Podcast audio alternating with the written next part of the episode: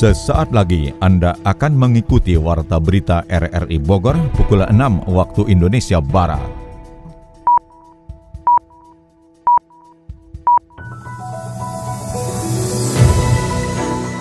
Selamat pagi.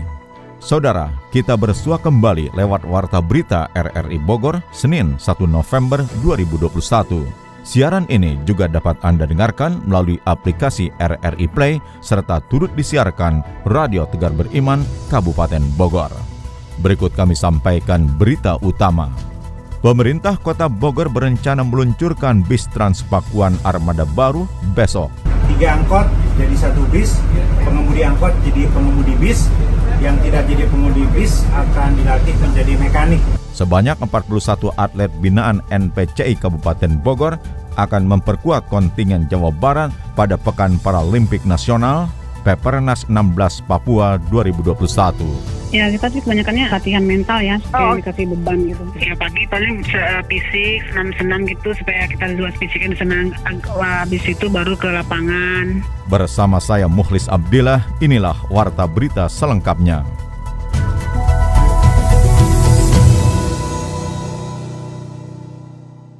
Saudara pemerintah Kota Bogor berencana meluncurkan bis Transpakuan Armada baru besok. Berikut laporan Sony Agung Saputra.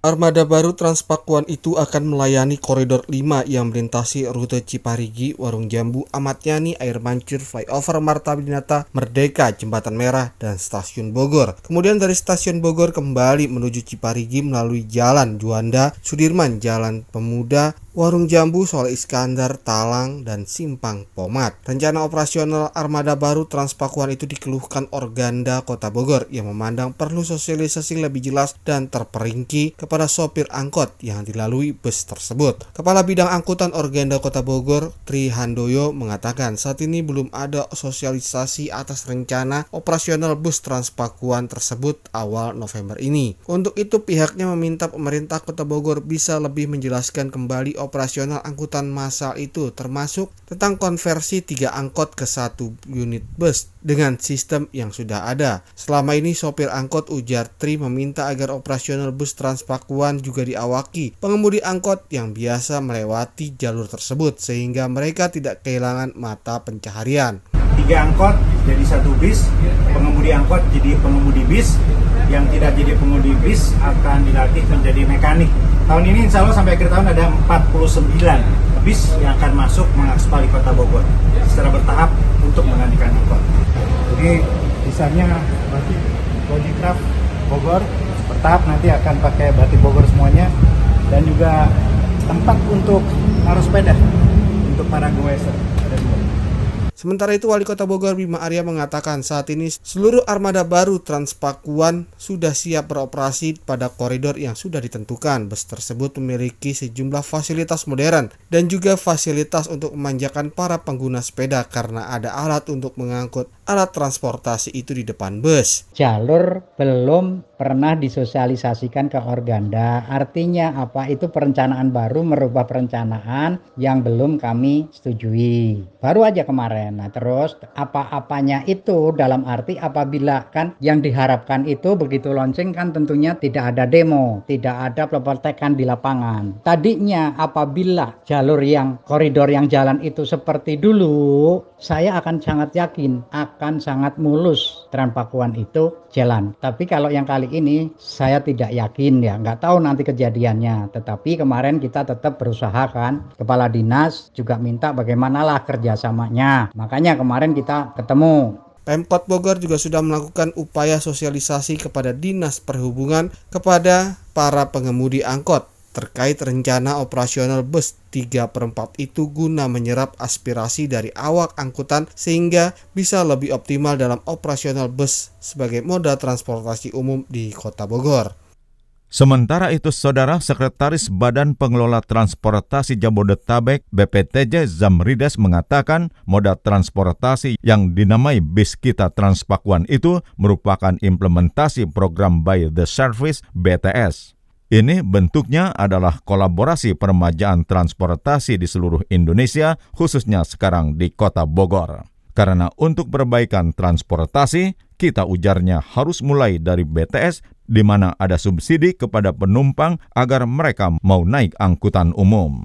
Menurut Zamrides, awalnya BPTJ merencanakan menghadirkan 75 bis di kota Bogor. Namun mengingat waktu yang pendek tersisa dua bulan sehingga hanya bisa 49 bis secara bertahap.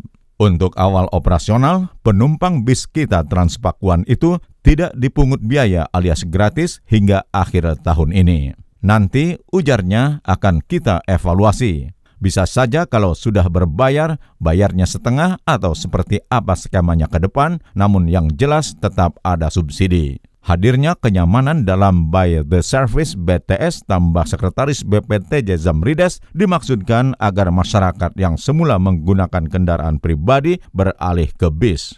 Harapannya dengan menggunakan angkutan umum, penggunaan BBM oleh masyarakat bisa berkurang.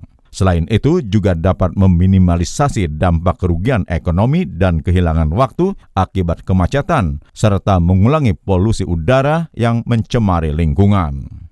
Terpisah, Kepala Dinas Perhubungan Kota Bogor Eko Prabowo menyatakan sangat menyambut baik progres penataan transportasi di Kota Bogor tersebut. Guna menyukseskan program BTS itu, beberapa persiapan dilakukan antara lain pembekalan dan pelatihan bagi pengemudi bis, cek halte, sosialisasi kepada masyarakat, hingga survei kondisi lalu lintas.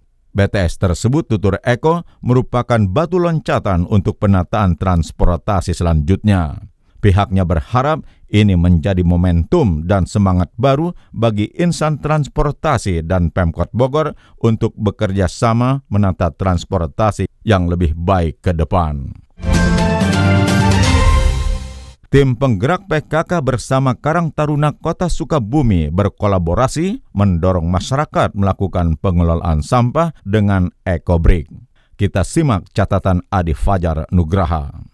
Beragam cara dilakukan untuk mengelola sampah sekaligus memberikan nilai ekonomi bagi masyarakat. Salah satunya yang dilakukan warga di kota Sukabumi yang menggagas taman rekreasi di Kelurahan Jaya Mekar, Kecamatan Baros. Pengembangan ekobrik dilakukan Karang Taruna bekerjasama dengan tim penggerak PKK Kota Sukabumi dan Fakultas Pertanian Universitas Muhammadiyah Sukabumi. Ketua TP PKK Kota Sukabumi Fitri Hayati Fahmi mengatakan pihaknya secara masif terus melakukan edukasi bersama akademisi dan juga Karang Taruna dalam upaya penyadaran pentingnya mengelola sampah rumah tangga.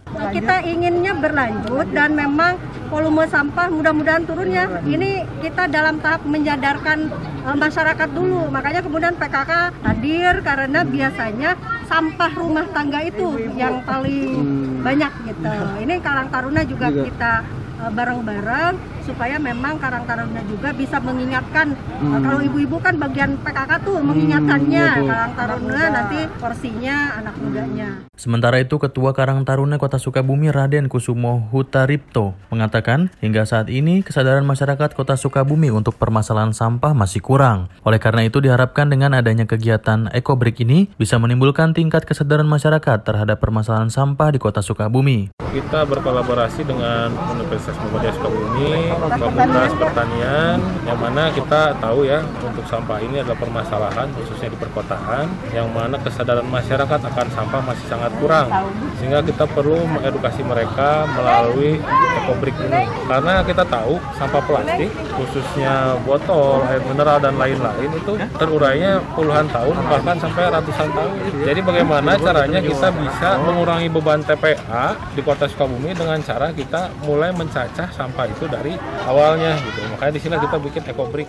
EcoBrick adalah sebuah inovasi visioner yang dikembangkan sebagai solusi pengelolaan limbah plastik. EcoBrick dapat membuat sampah menjadi benda yang bermanfaat dan juga bisa mengurangi volume sampah plastik. Ini karena sampah-sampah tersebut dipadatkan lalu dimasukkan ke dalam botol plastik hingga padat seperti bata. EcoBrick sendiri biasanya digunakan untuk membuat furnitur modular, perabotan indoor, ruang kebun, ruang hijau, dinding struktur, dan bangunan seperti sekolah dan rumah. Direktorat Jenderal Pendidikan Vokasi Ditjen Diksi Kemendikbudristek memfasilitasi kemitraan pendidikan vokasi khususnya sekolah menengah kejuruan SMK dengan dunia usaha dan dunia industri. Bertepatan dengan peringatan Hari Sumpah Pemuda, 41 perusahaan di Kabupaten Bekasi dan sekitarnya menandatangani perjanjian kerjasama dengan 22 SMK dengan fasilitasi yang dilakukan Ditjen Diksi. Kerjasama terkait pelaksanaan praktik kerja lapangan PKL yang merupakan tindak lanjut penandatanganan perjanjian kerjasama Ditjen Diksi dengan Himpunan Kawasan Industri HKI tentang peningkatan kompetensi SDM pendidikan vokasi. Pelaksana tugas Direktur Kemitraan dan Penyelarasan Dunia Usaha dan Dunia Industri Ditjen Diksi Suryadi menjelaskan program tersebut merupakan salah satu implementasi strategi penyiapan SDM Indonesia yang unggul melalui peningkatan mutu pendidikan vokasi. Ia berharap ke depan kerjasama antara SMK dengan dunia usaha dan dunia industri bisa terus ditingkatkan tidak sekedar terkait pelaksanaan PKL. SMK tidak hanya menyiapkan lulusan, begitupun industri tidak saja sebagai penerima lulusan, namun keduanya diharapkan aktif merencanakan dan menyiapkan peserta didik agar kompeten di bidangnya. Dari dunia ekonomi, Menko Perekonomian Erlangga Hartarto mengatakan Perdana Menteri Italia Mario Draghi mengapresiasi program-program Presiden Jokowi di bidang pemberdayaan UMKM. Sementara pemerintah Provinsi Jawa Barat ikut ambil bagian pada ajang Dubai Expo.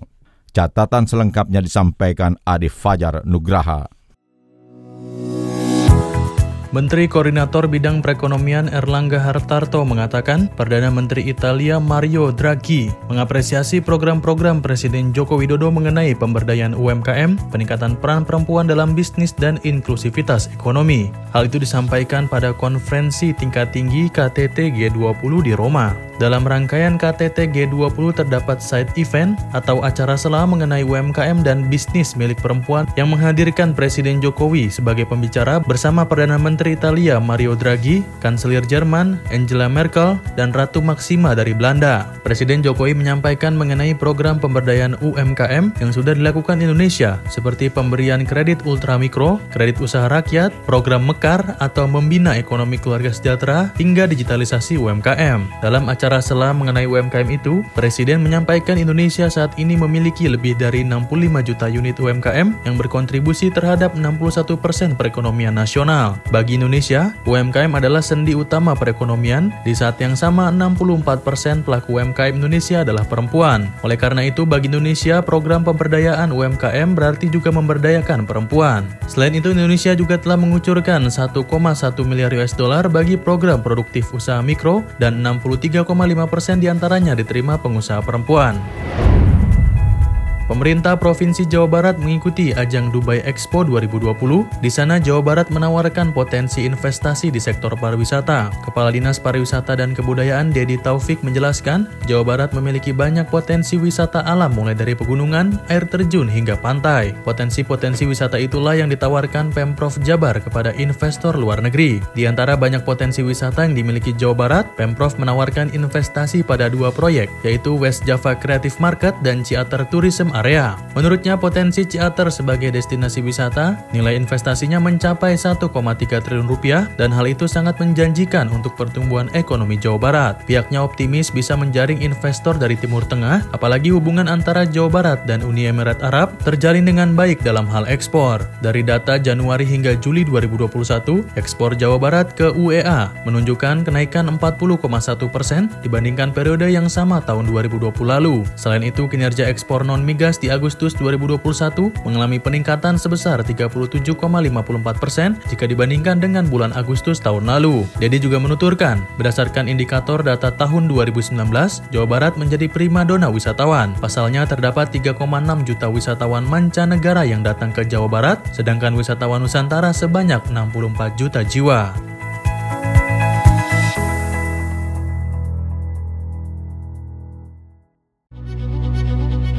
Assalamualaikum warahmatullahi wabarakatuh.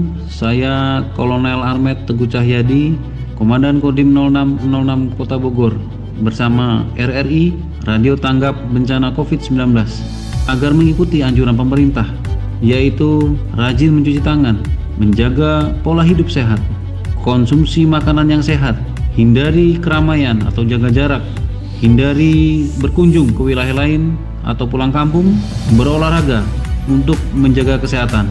Mari kita berdoa kepada Tuhan Yang Maha Esa agar kita dapat menanggulangi COVID-19 ini sehingga kita dapat beraktivitas seperti sedia kala. Terima kasih. Wassalamualaikum warahmatullahi wabarakatuh.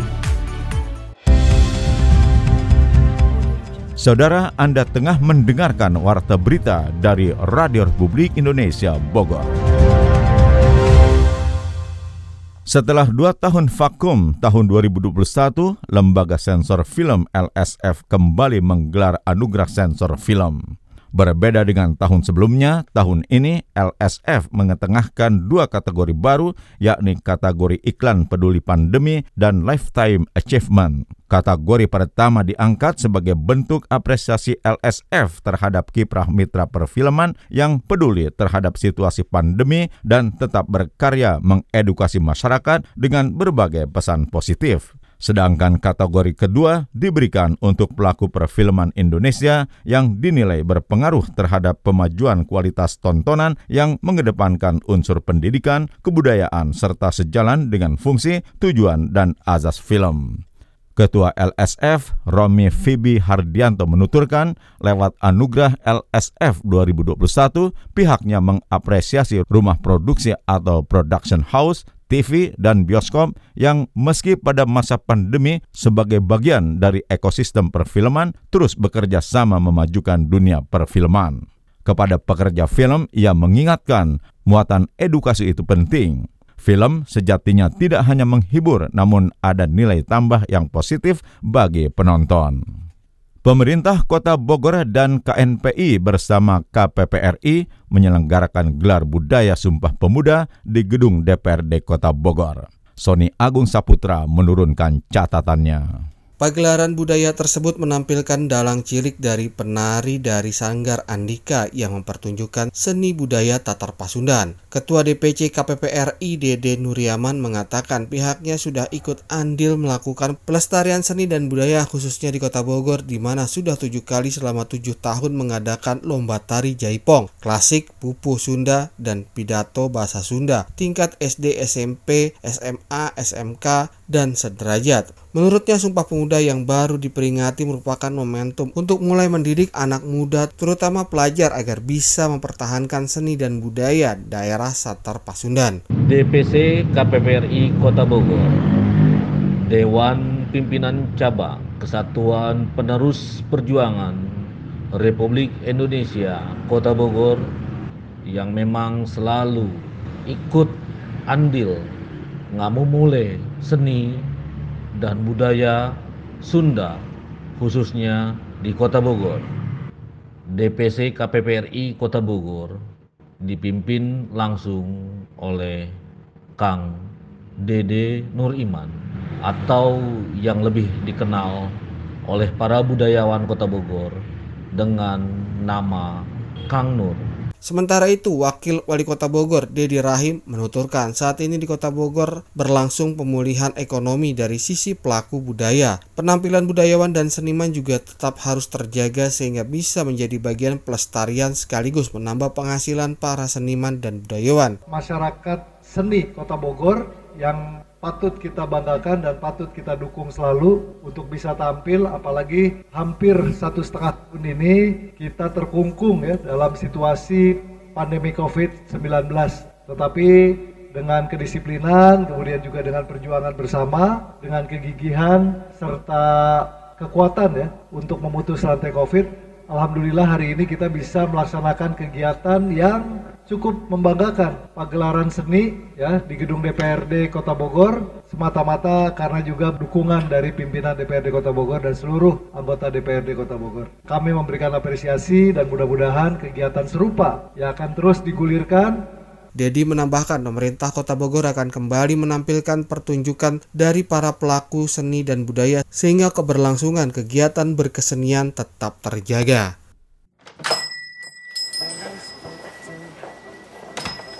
Cie, yang abis pulang liburan, gimana New York? Seru gak? You know, seru banget. So many tempat famous like Times Square nih yang really really crowded. Literally aku sih prefer rekomend liburan ke luar negeri ya. Kayak ada pride gitu nggak sih kalau kita posting ke sosial media? That's why foto aku tuh banyak yang like. Um, perhaps later kita bisa lah go ke sana. Ih, Maisaro, Maisaro. Ngomong apa sih dari tadi? Kamu nggak understand? Gak gaul nih. Normally, anak zaman now tuh gini kali talknya. Maisaro, belajar bahasa asing itu bagus-bagus aja. Tapi kita juga perlu tahu cara penempatannya. Dan yang paling penting sih, kita nggak lupa ya sama bahasa kita. Kamu inget kan ikrar Sumpah Pemuda poin ketiga? Menjunjung bahasa persatuan, bahasa Indonesia. Ingat dong? Iya ingat. Makasih ya Francisca udah ngingetin.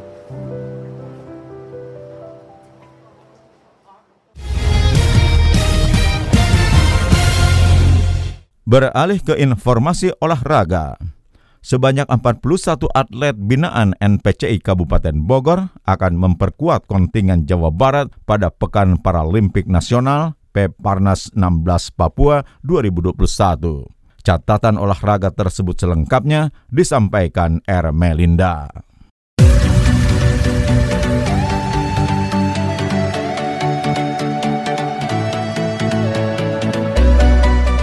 Pekan Paralimpik Nasional atau Peparnas ke-16 Papua 2021 akan digelar mulai 2 hingga 15 November di Bumi Cendrawasi. Peparnas akan diikuti 33 provinsi di mana Kabupaten Bogor mengikut sertakan 41 atlet binaan NPC setempat yang tergabung dalam kontingen Jawa Barat. Para atlet Kabupaten Bogor yang akan memperkuat kontingen Jawa Barat tersebut akan bertanding pada 9 cabang olahraga cabur dari 12 cabur yang dipertandingkan pada Peparnas kali ini. Sembilan cabur tersebut adalah atletik, menembak, tenis meja, tenis kursi roda, bulu tangkis, judo, angkat berat, catur, dan panahan.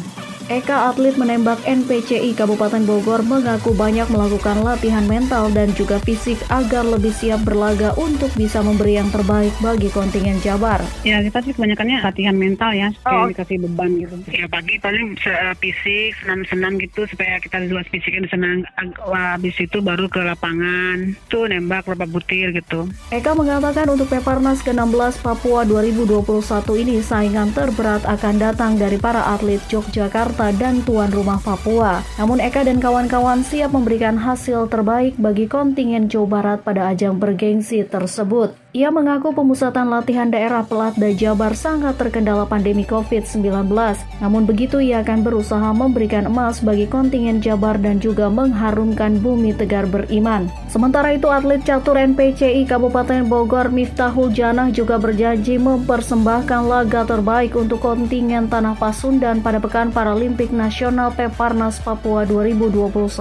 Menurutnya ia akan turun pada klasifikasi B2 dengan bermain dalam empat nomor pertandingan yakni nomor klasik perorangan, cepat perorangan, klasik beregu, dan cepat beregu. Menurutnya pada Peparnas Jawa Barat 2016 lalu, ia tampil pada cabang olahraga judo dan menyabet medali emas. Namun pada Peparnas kali ini, dirinya akan turun dalam cabur catur di mana tuan rumah Papua akan menjadi salah satu pesaing terberatnya. Namun ia siap memberikan yang terbaik bagi Jabar dan Kabupaten Bogor sendiri. Papua karena kan dapat sekilas kabar nih di Papua tuh ada beberapa atlet yang dari umum yang udah jadi master gitu. Mungkin hmm. mereka dapat keterbatasan dari matanya gitu menjadi disabilitas netra gitu. Hmm. Artinya jam terbang mereka itu udah jauh lebih banyak gitu daripada Miftah ya. Sedangkan Miftah kalau untuk di Peparnas sendiri Miftah baru terjun pada saat ini. Tapi okay. itu bukan menjadi satu permasalahan buat Miftah, menjadi sang juara gitu kan. Seluruh atlet NPCI Kabupaten Bogor Bogor mengaku lebih terpacu motivasinya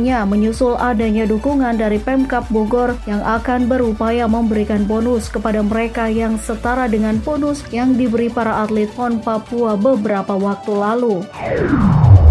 Pengurus cabang Persatuan Pengcap Ski Air dan juga Wakeboard Indonesia PESAWI Kota Bogor bakal menurunkan 5 atlet juniornya pada babak kualifikasi Pekan Olahraga Provinsi BK Porprov ke-16 Jawa Barat 2021.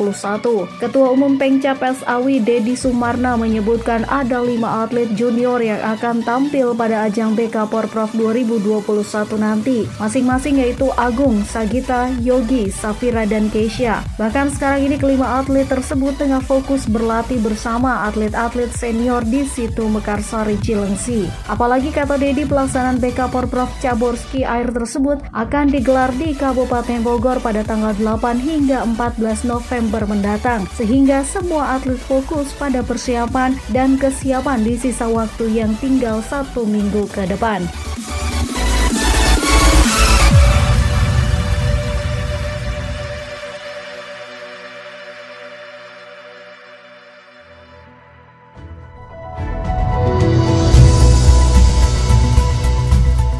Saudara, informasi olahraga tadi sekaligus menutup perjumpaan kita lewat Warta Berita RRI Bogor pagi ini. Sekali lagi kami sampaikan berita utama. Pemerintah Kota Bogor berencana meluncurkan bis Transpakuan Armada baru besok. Sebanyak 41 atlet binaan NPCI Kabupaten Bogor akan memperkuat kontingen Jawa Barat pada Pekan Paralimpik Nasional Peparnas 16 Papua 2021. Siaran ini dapat Anda dengarkan kembali melalui podcast kami di Spotify, Anchor, Podtail, dan Google Podcast. Saya Muhlis Abdillah merangkap Des Editor bersama penata teknik Mahdinur mengucapkan terima kasih atas kebersamaan Anda. Selamat pagi.